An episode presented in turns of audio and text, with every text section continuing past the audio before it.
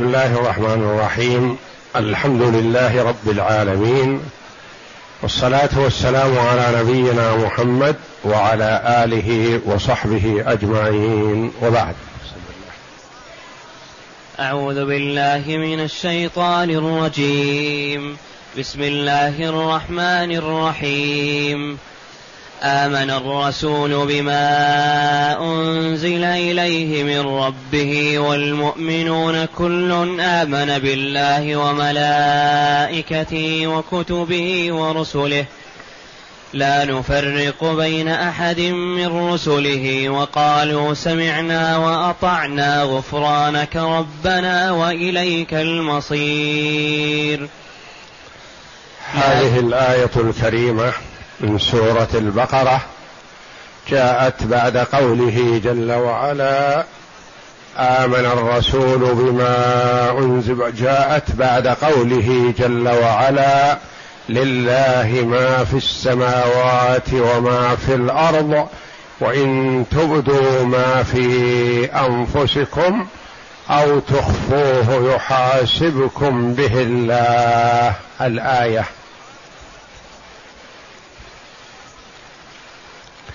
ومر علينا عند هذه الآية لله ما في السماوات وما في الأرض وإن تبدوا ما في أنفسكم أو تخفوه يحاسبكم به الله. ما رواه البخاري ما رواه مسلم وأحمد وأهل السنن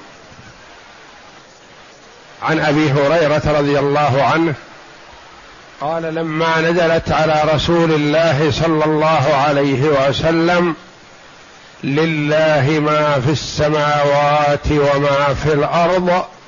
الآية اشتد ذلك على أصحاب رسول الله صلى الله عليه وسلم.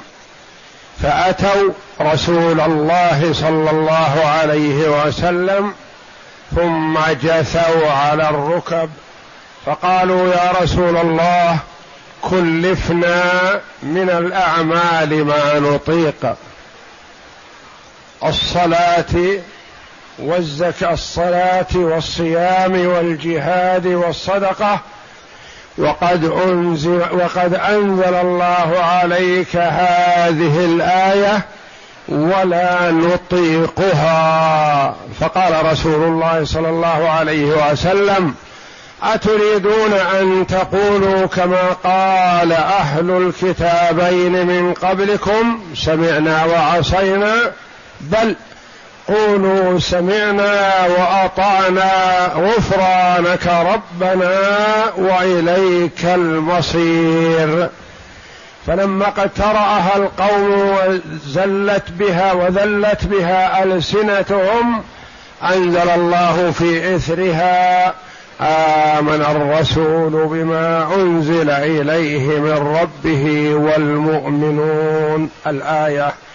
فلما فعلوا ذلك نسخها الله فأنزل لا يكلف الله نفسا إلا وسعها إلى آخرها. فهذه الآيات الثلاث أولا نزلت الآية الأولى لله ما في السماوات وما في الأرض وإن تبدوا ما في أنفسكم أو تخفوه يحاسبكم به الله فيغفر لمن يشاء ويعذب من يشاء والله على كل شيء قدير. هذه الآية شقت على أصحاب رسول الله صلى الله عليه وسلم.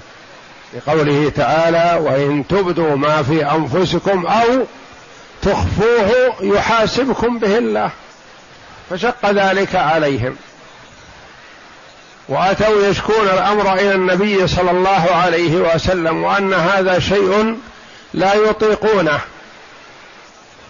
فأمرهم النبي صلى الله عليه وسلم بأن يقولوا سمعنا وأطعنا ولا يكونوا كبني إسرائيل الذين قالوا سمعنا وعصينا.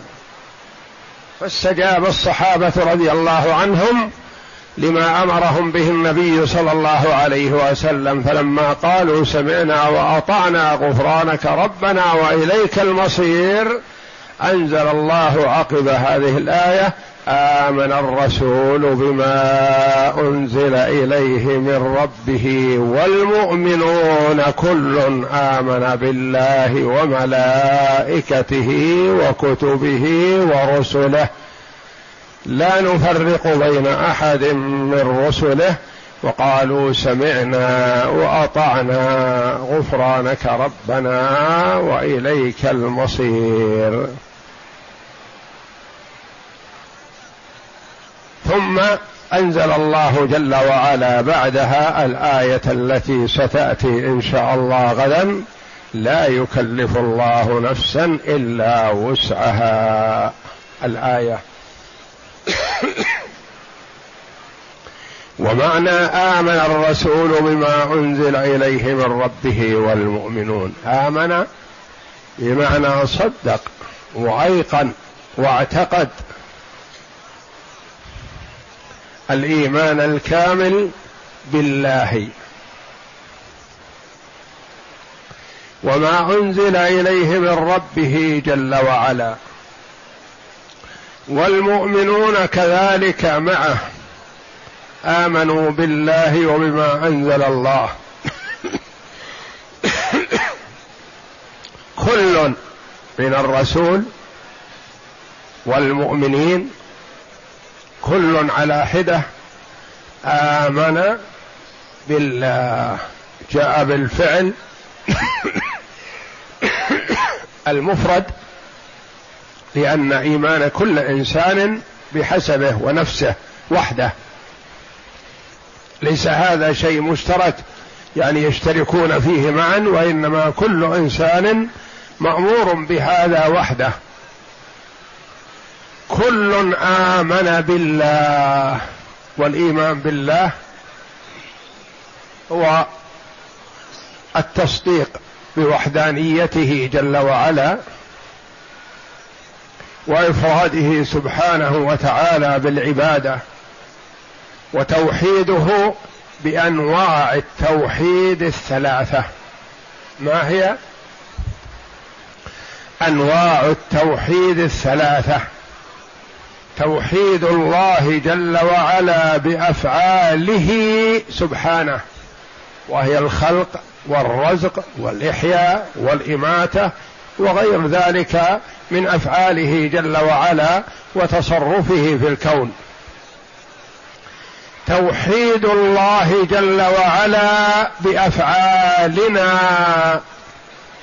بالألوهية والعبادة نوحده بأفعالنا نعبد نعبده وحده ونعمل الأعمال لوجهه جل وعلا وحده لا شريك له وهو المسمى بتوحيد الألوهية. توحيد الله جل وعلا بأسمائه الحسنى وصفاته العلى وهو أن نثبت لله جل وعلا ما أثبته لنفسه أو أثبته له رسوله صلى الله عليه وسلم من غير تشبيه ولا تمثيل ولا تكييف ولا تعطيل. بل نوحد الله بأسمائه الحسنى وصفاته العلى على ما وصف نفسه به أو وصفه به رسوله صلى الله عليه وسلم. وأسماء الله جل وعلا وصفاته توقيفية. معنى توقيفية يعني لا مجال للاجتهاد فيها. ما نأتي بأسماء من عندنا ولا ننفي أسماء أثبتها الله جل وعلا لنفسه. بل ما جاء في كتاب الله أو على لسان رسوله صلى الله عليه وسلم نثبته وما لا فلا. والإثبات والنفي توقيفي. والإثبات على سبيل التفصيل. والنفي اجمالا إلا ما ورد بالتفصيل. فمثلا الأسماء الثابتة بالكتاب والسنة ما نزيد فيها اسما ولا صفة لم ترد لله جل وعلا. هذا معنى التوقيفي يعني نتوقف على ما ورد. وهي بالتفصيل والعدد هذا الاسم ورد في الكتاب نثبته.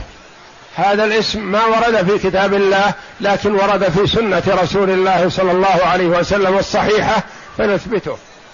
هذا الاسم جميل وحسن لكن ما ثبت في الكتاب ولا في السنة لا نثبته. ولو استحسناه في أنفسنا. وهذا معنى قول العلماء رحمهم الله الاسماء والصفات توقيفية يعني يتوقف على ما ورد.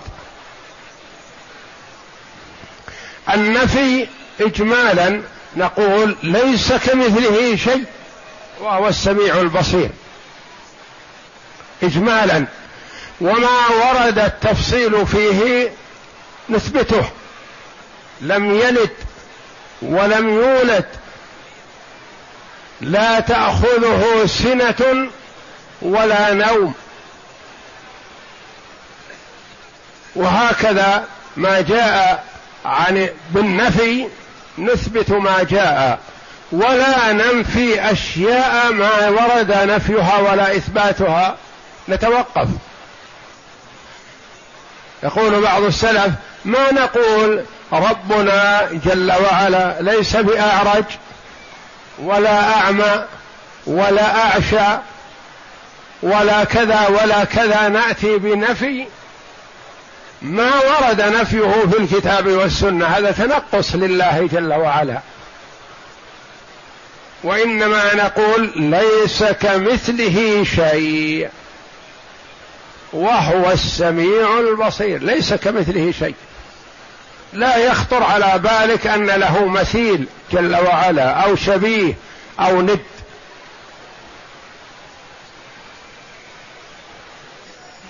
فالإيمان بالله لا بد من الإيمان بأنواع التوحيد الثلاثة. كفار قريش يعتقدون توحيد الربوبية ويؤمنون به. ولئن سألتهم من خلقهم ليقولن الله. ولئن سألتهم من خلق السماوات والأرض ليقولن الله. معترفون بهذا معترفون بتوحيد الربوبية لكن هل أدخلهم في الإسلام؟ لا. ومنهم من يعترف بتوحيد الأسماء والصفات يعترفون بأسماء الله وصفاته ولم يدخلهم ذلك في الإسلام. وإنما لابد من الجميع لابد من توحيد الربوبية وتوحيد الألوهية وتوحيد الأسماء والصفات.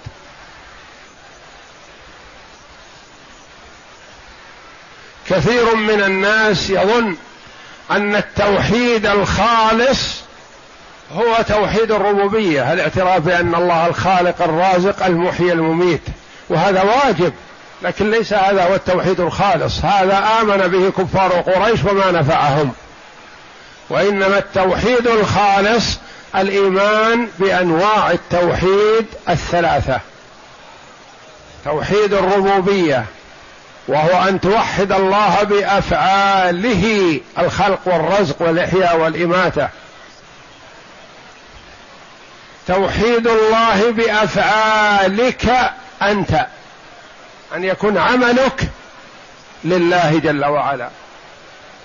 من صلاة وصيام وصدقة وغير ذلك من الأمر التوكل الخوف الرجاء الخشية الإنابة. التضرع كله لله جل وعلا.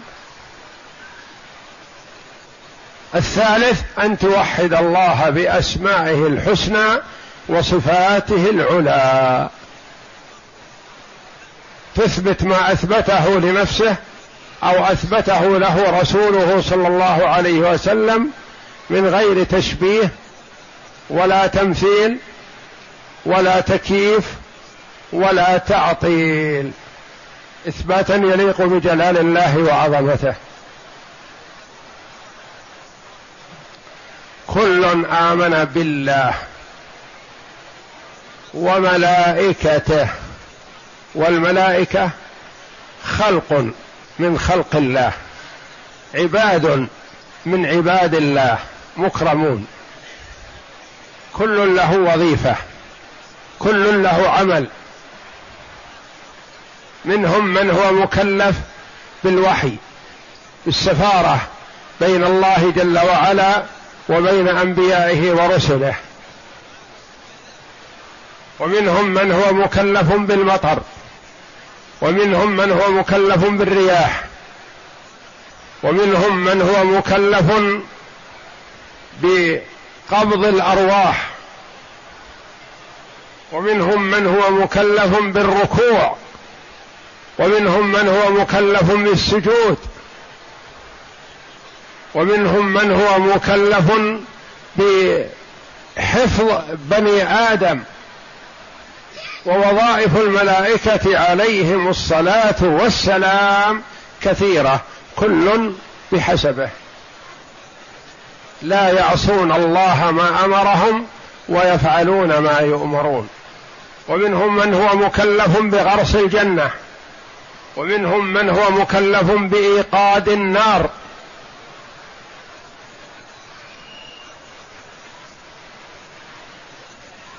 وكل له وظيفة وهم عباد مكرمون لله جل وعلا لا يعصون الله ما أمرهم ويفعلون ما يؤمرون.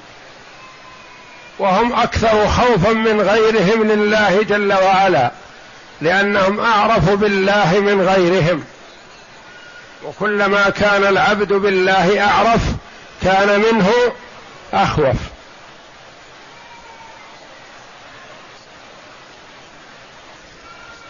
وهم عدد كبير لا يحصيهم إلا الله جل وعلا.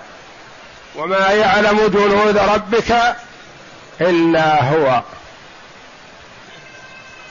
في البيت المعمور في السماء الدنيا يدخله كل يوم سبعون ألف ملك يصلون فيه لا يرجعون إليه مدى الدهر حظهم مرة وباستمرار. وأمرنا النبي صلى الله عليه وسلم أن نستحييهم نستحيي منهم. أن يرونا على منكر أو على قبيح. استحيوا من الكرام الكاتبين. والملائكة ترانا ولا نراها.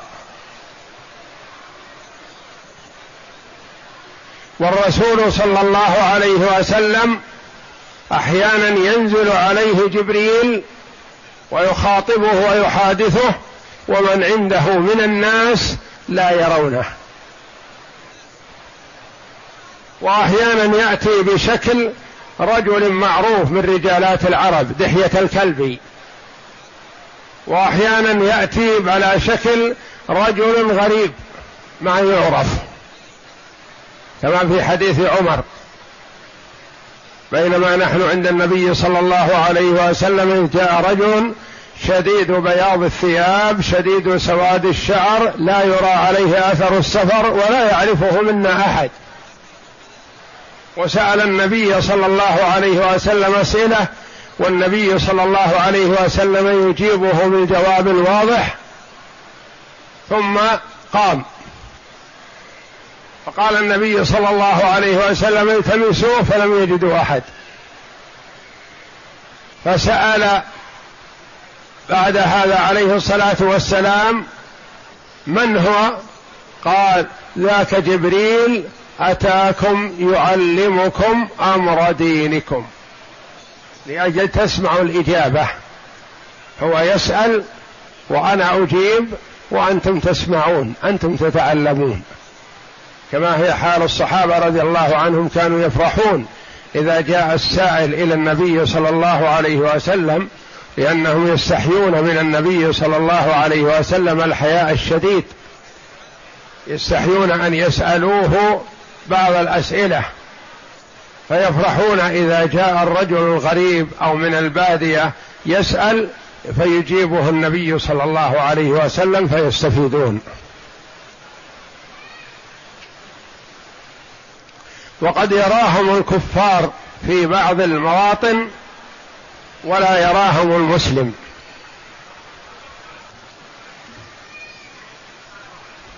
فقد رآهم كفار قريش على خيل بلق بين السماء والأرض في موقعة بدر كما مر علينا قريبا. لا يقوم لها شيء.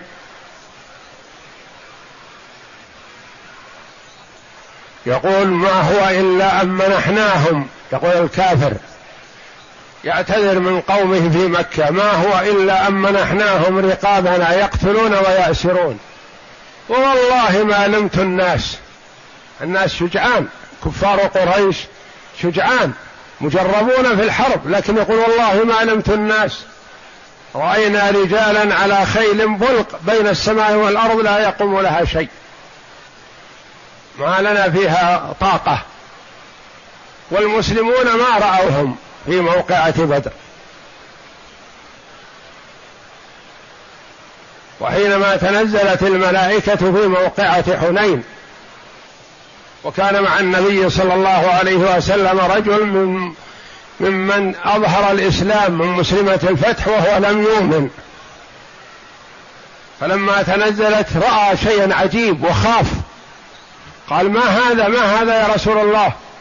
الرسول يراهم الملائكة عليهم الصلاة والسلام والمسلمون ما يرونهم.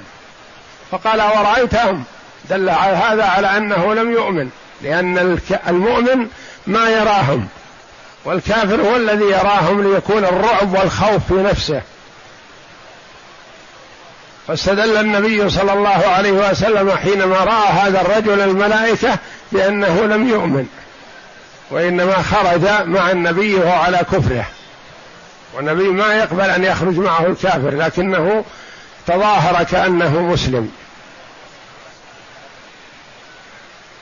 فوضع النبي صلى الله عليه وسلم يده على صدره وسكر روعه ثم أعلن شهادته حقا وشهد أن لا إله إلا الله وأن محمدا رسول الله. والله جل وعلا أقدر الملائكة على ما لم يقدر عليه غيرهم. كانوا يتنقلون يصعدون بين السماء والأرض. وأعطاهم من القوة ما لم يعط غيرهم. فجاء أن جبريل عليه السلام اقتلع قرى قوم لوط سبع مدائن بأهلها وسكانها بطرف جناحه. ورفعها إلى السماء حتى سمعت الملائكة صياح ديكتهم ونباح كلابهم. ثم قلبها عليه الصلاة والسلام. سبع مدن كلها بما حولها بطرف جناحه ذي القوة المتين عليه الصلاة والسلام. كل آمن بالله وملائكته. وكتبه. الكتب التي أنزلها الله جل وعلا كثيرة. لكن عندنا أربعة كتب يجب الإيمان بها لأن الله سماها في كتابه. التوراة والإنجيل والزبور والرابع القرآن العظيم. توراة نزلت على موسى. والإنجيل على عيسى والزبور على داود والقرآن على محمد صلى الله عليه وسلم. وهذه الكتب الثلاثة التوراة والإنجيل والزبور يجب الإيمان بها اجمالا. أنها كتب نزلت من عند الله بوحي الله جل وعلا وأنها كلام الله جل وعلا. سمعه الملك من ربنا جل وعلا وبلغه للرسول صلى الله عليه وسلم اجمالا. ولا يلزمنا أن نقول هذه الآية من التوراة أو هذه الكلمة من الإنجيل لا. لأنها دخلها التحريف والتبديل ووكل الله جل وعلا حفظها إلى أهل الكتاب فضيعوها وزادوا ونقصوا. أما القرآن فيجب علينا الإيمان به جملة وتفصيلا. وتعبدنا الله جل وعلا بقراءته والعمل به وهو منهج ودستور هذه الأمة وهو الصراط الذي تسير عليه إلى ربها. من أخذ به سعد ومن حاد عنه ومال عنه وانحرف عنه شقي شقاوة لا يسعد بعدها أبدا. فهي هذه الكتب كلام الله حقا. يجب الإيمان بذلك ويجب الإيمان بالتفصيل بالقرآن العظيم. كلام الله منزل غير مخلوق منه بدأ وإليه يعود. فهو في آخر الزمان يرفع من المصاحف ومن صدور الناس حينما لا يبقى في الأرض من يقول الله الله. في آخر الزمان يرفع ما يبقى لأنه يكون فسد الناس وما فيه من يعبد الله فيرفع الله جل وعلا كتابه من صدور الرجال ومن المصاحف. يصبحون وليس معهم شيء من كتاب الله. وهم الذين تقوم عليهم الساعة. من شرار الناس من تدركهم الساعة وهم أحياء والذين يتخذون القبور مساجد.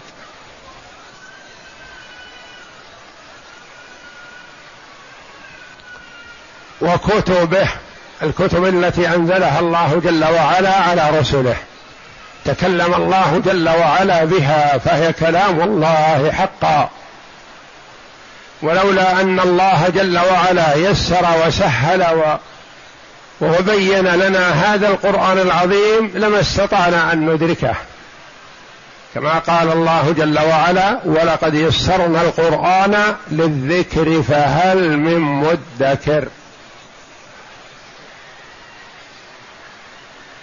ورسله الرسل يطلق على الرسل من الملائكة وهم الملائكة الذين يرسلهم الله جل وعلا من عنده إلى بني آدم إلى من اختاره للرسالة من بني آدم.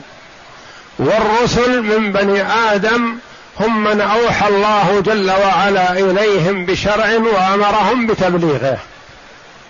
وفيه أنبياء ورسل. وبعض العلماء رحمهم الله يفرق بين الأنبياء والرسل فيقول النبي من أوحي إليه بشرع ولم يؤمر بتبليغه. والرسول من أوحي إليه بشرع وأمر بتبليغه.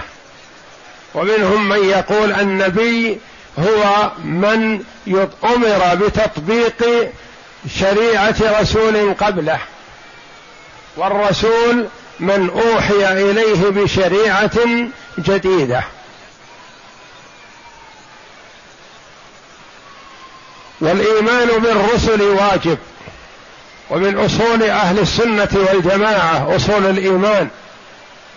ومن لم يؤمن بالرسل فلا إيمان له. ويجب الإيمان بأسماء خمسة وعشرين من الأنبياء والرسل المسمون بالقرآن. هم خمسة وعشرون. ويؤمن بأن الله جل وعلا أرسل رسلا وأوحى إلى أنبياء كثر. وجاء أن الأنبياء مئة ألف وأربعة عشر ألف. والرسل ثلاثمائة وبضعة عشر بعدد أهل بدر. ثلاثمائة وبضعة عشر. وكل رسول نبي وليس كل نبي رسول لأن فيه أنبياء كثير ليسوا برسل. وفيه رسل وهم أنبياء لأنه ما يمكن يكون رسول وليس بنبي. وإنما يكون نبي وليس برسول. كآدم عليه السلام جاء أنه نبي وليس برسول. أول الرسل نوح على أفضل الصلاة والسلام. والأنبياء والرسل المسمون في القرآن خمسة وعشرون. يجب الإيمان بهم. ويجب الإيمان بأنهم صادقون. وأنهم مبلغون عن الله وأنهم بلغوا رسالات ربهم وأنهم أنذروا أممهم. وهذه الأمة المحمدية جعلها الله يوم القيامة شهداء على أن الأنبياء بلغوا أممهم. فقد جاء أنه يقال لنوح عليه السلام هل بلغت؟ فيقول نعم يا ربي. فيقال لقومه هل بلغكم نوح؟ فينكرون. يقول ما جاءنا من بشير ولا نذير. فيقول الله جل وعلا لنوح من يشهد معك؟ على أنك بلغت وهو أعلم جل وعلا. فيقول نوح عليه السلام يشهد معي محمد وأمته. فتدعى هذه الأمة للشهادة فتشهد بأن نوحا عليه السلام بلغ قومه وأن موسى بلغ قومه وأن عيسى بلغ قومه وأن سائر الأنبياء بلغوا أممهم. فيقال وما وجه شهادتكم وأنتم لم تدركوهم؟ فتقول هذه الأمة بلغنا نبينا صلى الله عليه وسلم أن الأنبياء عليهم الصلاة والسلام بلغوا أممهم دعوة ربهم جل وعلا. فأنتم شهداء الله للأنبياء صلوات الله وسلامه عليهم أجمعين. ومن كفر بنبي من الأنبياء فقد كفر بالأنبياء كلهم. ومن كفر برسول فقد كفر بالرسل كلهم. حتى من يزعم أنه مؤمن به هو في الحقيقة كافر به. فمثلا اليهود يزعمون أن نبيهم موسى وهو كذلك. ويزعمون أنهم مؤمنون به. وهم في الحقيقة ليسوا بمؤمنين. بل هم كفار به. إلا من آمن به إيمانا حقيقيا صحيحا. لكن هؤلاء الذين وجدوا في بعد بعثة محمد صلى الله عليه وسلم ولم يؤمنوا بمحمد صلى الله عليه وسلم فقد كفروا بموسى وكفروا بعيسى وكفروا بسائر الأنبياء. لأن موسى وعيسى وسائر الأنبياء بلغوا أممهم وأمروهم بأن يؤمنوا بمحمد صلى الله عليه وسلم. فمن لم يؤمن بمحمد صلى الله عليه وسلم فقد كفر برسوله الذي يزعم أنه مؤمن به. أنه ما صدقه وما أطاعه وما اتبعه. كل آمن بالله وملائكته وكتبه ورسله. لا نفرق بين أحد من رسله. ما نقول نؤمن ببعض ونكفر ببعض. نؤمن بمحمد ونكفر بعيسى. نؤمن بمحمد ونكفر بعيسى. لا. نؤمن بعيسى ونكفر بموسى. نؤمن بموسى ونكفر بمحمد. لا هذا الكفر كله. لا نفرق بين أحد من رسله. نؤمن بجميع الرسل صلوات الله وسلامه عليهم ونشهد بصدقهم وأنهم بلغوا عن الله جل وعلا ما أرسلهم به إلى أممهم. لا نفرق بين أحد من رسله فمن فرق فليس بمؤمن. وقالوا سمعنا سماع قبول. وأطعنا استجبنا لأوامر ربنا ونواهيه تبارك وتعالى. غفرانك ربنا. وهكذا ينبغي للمؤمن بعد أداء كل عبادة وبعد كل دعاء وبعد كل تضرع يعترف بالتقصير. وأنه ما أدى حق الله كما ينبغي فهو معترف بالتقصير. ولذا يستحب الاستغفار بعد الصلاة مباشرة. يستحب الاستغفار بعد رمضان. يستحب الاستغفار مع الذكر بعد الحج. وهكذا بعد كل عبادة يستحب للمسلم أن يستغفر. يعني كأنه اقترف ذنب. كأنه ما أدى حق الله كما ينبغي. كأنه يقول يا ربي صليت أنا. لكن ما أديت حقك كما ينبغي. أنا مقصر. اغفر لي تقصيري. أنا صمت لكن ما أديت الصيام كما ينبغي. فأنا أستشعر التقصير وأني مذنب. وأن أديت ظاهر العمل لكني مقصر. فأستغفرك يا ربي. وقالوا سمعنا وأطعنا. استجابة. استجابوا لنداء الله. ثم طلبوا من الله المغفرة والرحمة. غفرانك ربنا. ثم الإيمان باليوم الآخر. بأن المرجع والمآل إليك يا ربي. سنرجع إليك وأنت الهنا والمحشر إليك والعود إليك. إليك المصير المرجع والمآب. نرجع إليك يا ربنا.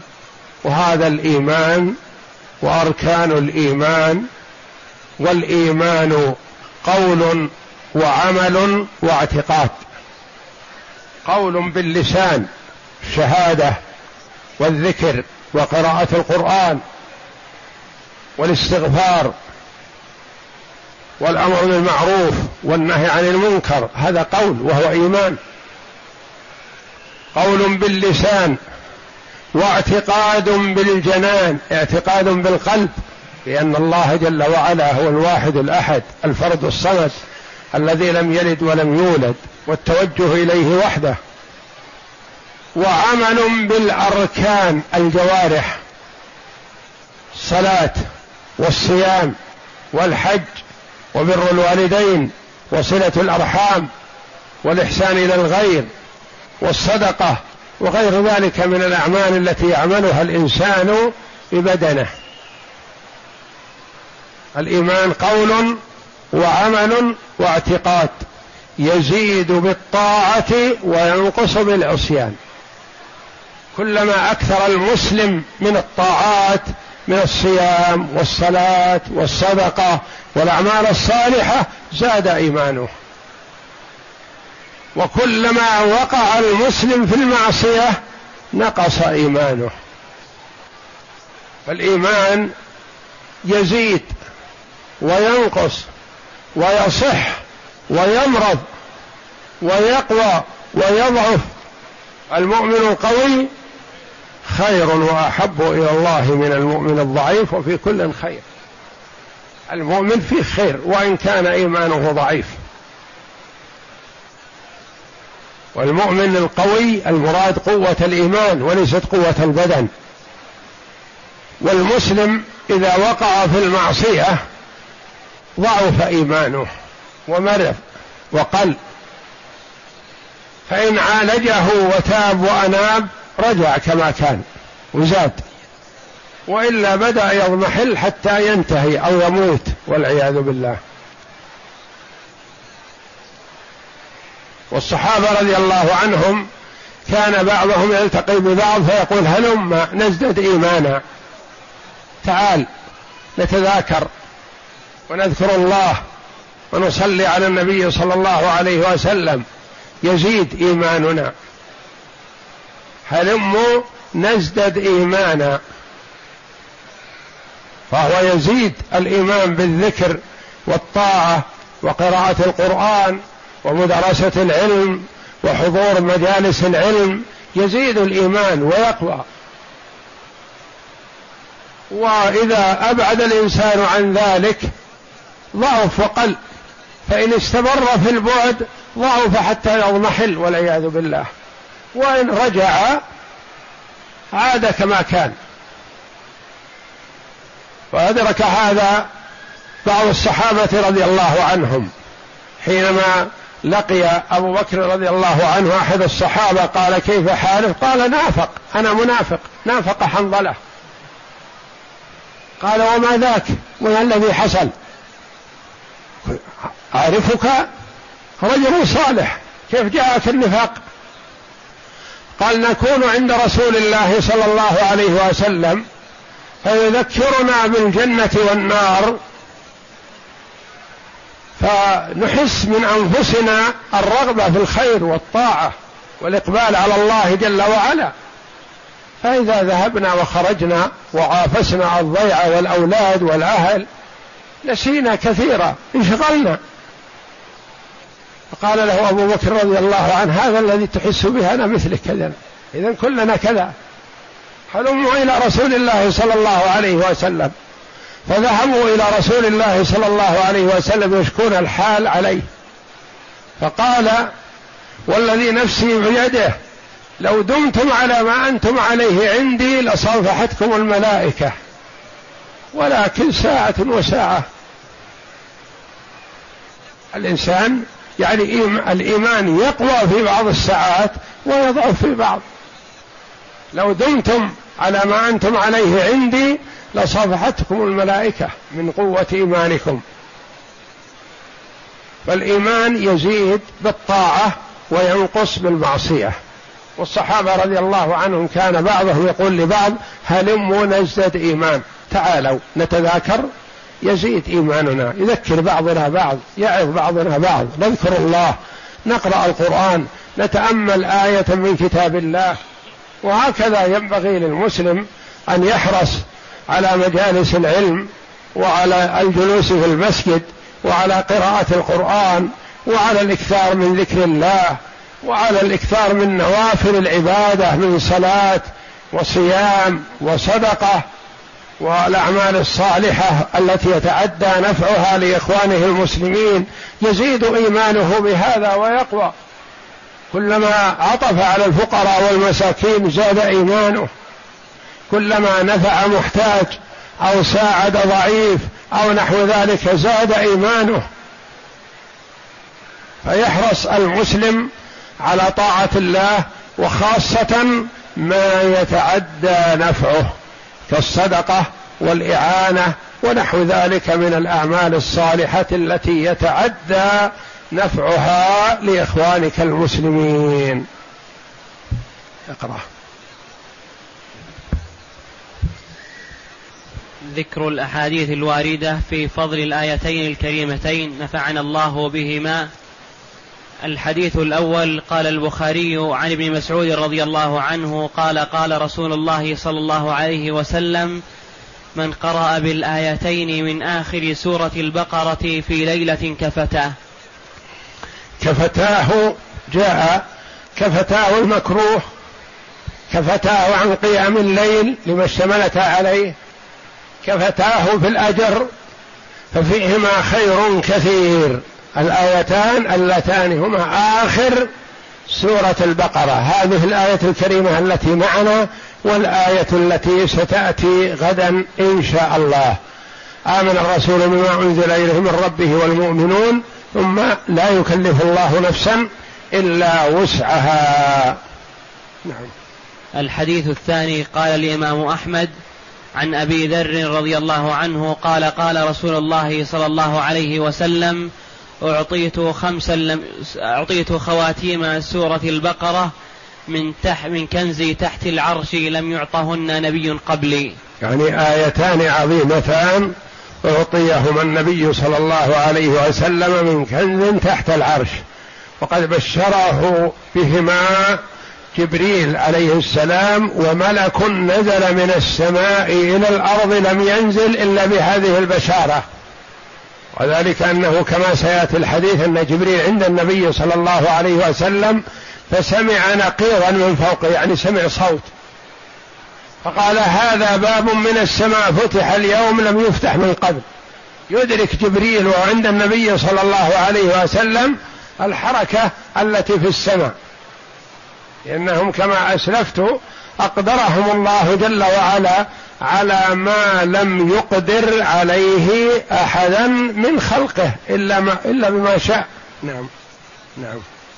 وقال مسلم عن الزبير بن عدي عن طلحة بن عن مرة عن عبد الله قال لما أسري برسول الله صلى الله عليه وسلم انتهي به إلى سدرة المنتهى وهي في السماء السابعة إليها ينتهي ما يعرج من الأرض فيقبض منها وإليها ينتهي ما يهبط من فوقها فيقبض منها.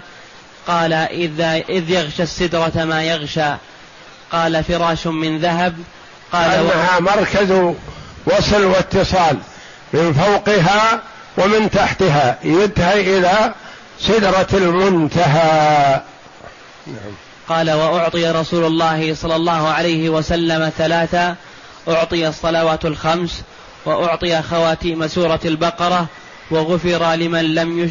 وغفر لمن لم يشرك بالله من أمته شيئا المقحمات. هذه ثلاث عطايا عظيمة عظيمة أعطيها النبي صلى الله عليه وسلم وهو عند سدرة المنتهى ليلة عرج به إلى السماوات العلى أعطي الصلوات الخمس وأعطي خواتيم سورة البقرة ما في هاتين الآيتين الكريمتين وغفر لمن مات لا يشرك بالله شيئا من أمته. نعم. الحديث الرابع قال أحمد عن عقبة بن عامر الجهني قال قال رسول الله صلى الله عليه وسلم اقرأ الآيتين من آخر سورة البقرة فإني أعطيتهما من كنزي تحت العرش. الحديث الخامس عن ابن مردويه عن حذيفة قال قال رسول الله صلى الله عليه وسلم فضلنا على الناس بثلاث أوتيت هذه الآيات من آخر سورة البقرة من بيت كنز تحت العرش لم يعطها أحد قبلي ولا, ولا يعطاها أحد بعدي الحديث.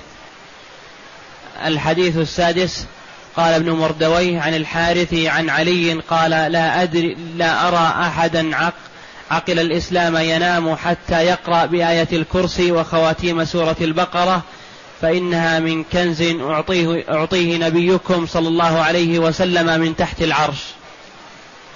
الحديث السابع قال الترمذي عن النعمان بن بشير عن النبي صلى الله عليه وسلم قال إن الله كتب كتابا قبل أن يخلق, يخلق السماوات والأرض بألفي عام وأنزل منه آيتين ختم بها بهما سورة البقرة ولا يقرأ بهن في دار ثلاث ليال فيقر بها شيطان. ثم قال هذا حديث غريب. الحديث الثامن قال ابن مردويه عن ابن عباس رضي الله عنهما قال كان رسول الله صلى الله عليه وسلم إذا قرأ آخر سورة البقرة وآية الكرسي ضحك وقال إنهما من كنز الرحمن تحت العرش وإذا قرأ من يعمل سوءا يجز به. وقوله تعالى وأن ليس للإنسان إلا ما سعى وأن سعيه سوف يرى ثم يجزاه الجزاء الأوفى استرجع واستكان. الحديث التاسع قال ابن مردويه عن معقل بن يسار قال قال رسول الله صلى الله عليه وسلم أعطيت فاتحة الكتاب وخواتيم سورة البقرة من تحت العرش والمفصل نافية. واتان اللتان بشر بهما هذا الملك الذي سمع جبريل عليه السلام وهو عند النبي صلى الله عليه وسلم نقيضا من السماء فرفع رأسه فقال هذا باب من السماء ما فتح قط قبل اليوم. ثم نزل منه هذا الملك فقال هذا ملك نزل إلى الأرض ما نزل إليها قبل إلا اليوم. فجاء إلى النبي صلى الله عليه وسلم فسلم عليه فقال أبشر بنورين أوتيتهما لم يؤتهما نبي قبلك خواتيم سورة البقرة وفاتحة الكتاب أو كما قال صلى الله عليه وسلم. يعني أعطيت الفاتحة وخواتيم سورة البقرة الآيتان اللتان هي آخر سورة البقرة ما أعطيهما أحد قبل النبي صلى الله عليه وسلم وفيهما خير عظيم. نعم. الحديث العاشر قد تقدم في فضائل الفاتحة. عن ابن عباس رضي الله عنهما قال بين رسول الله صلى الله عليه وسلم وعنده جبريل إذ سمع نقيضا فوقه فرفع جبريل بصره إلى السماء فقال هذا باب قد فتح من السماء ما فتح قط. قال فنزل منه ملك فأتى النبي صلى الله عليه وسلم فقال له أبشر. بنورين قد أوتيتهما لم يؤتهما نبي قبلك. فاتحة الكتاب وخواتيم سورة البقرة لن تقرأ حرفا منهما إلا أوتيته. رواه مسلم والنسائي. يعني إذا تكلمت بشيء منهما أعطيته. اهدنا الصراط المستقيم تعطى هذا الطلب. صراط الذين أنعمت عليهم. غير المغضوب عليهم يعني جنبنا طريق المغضوب عليهم وهم وهم اليهود ولا الضالين وهم النصارى. نعم.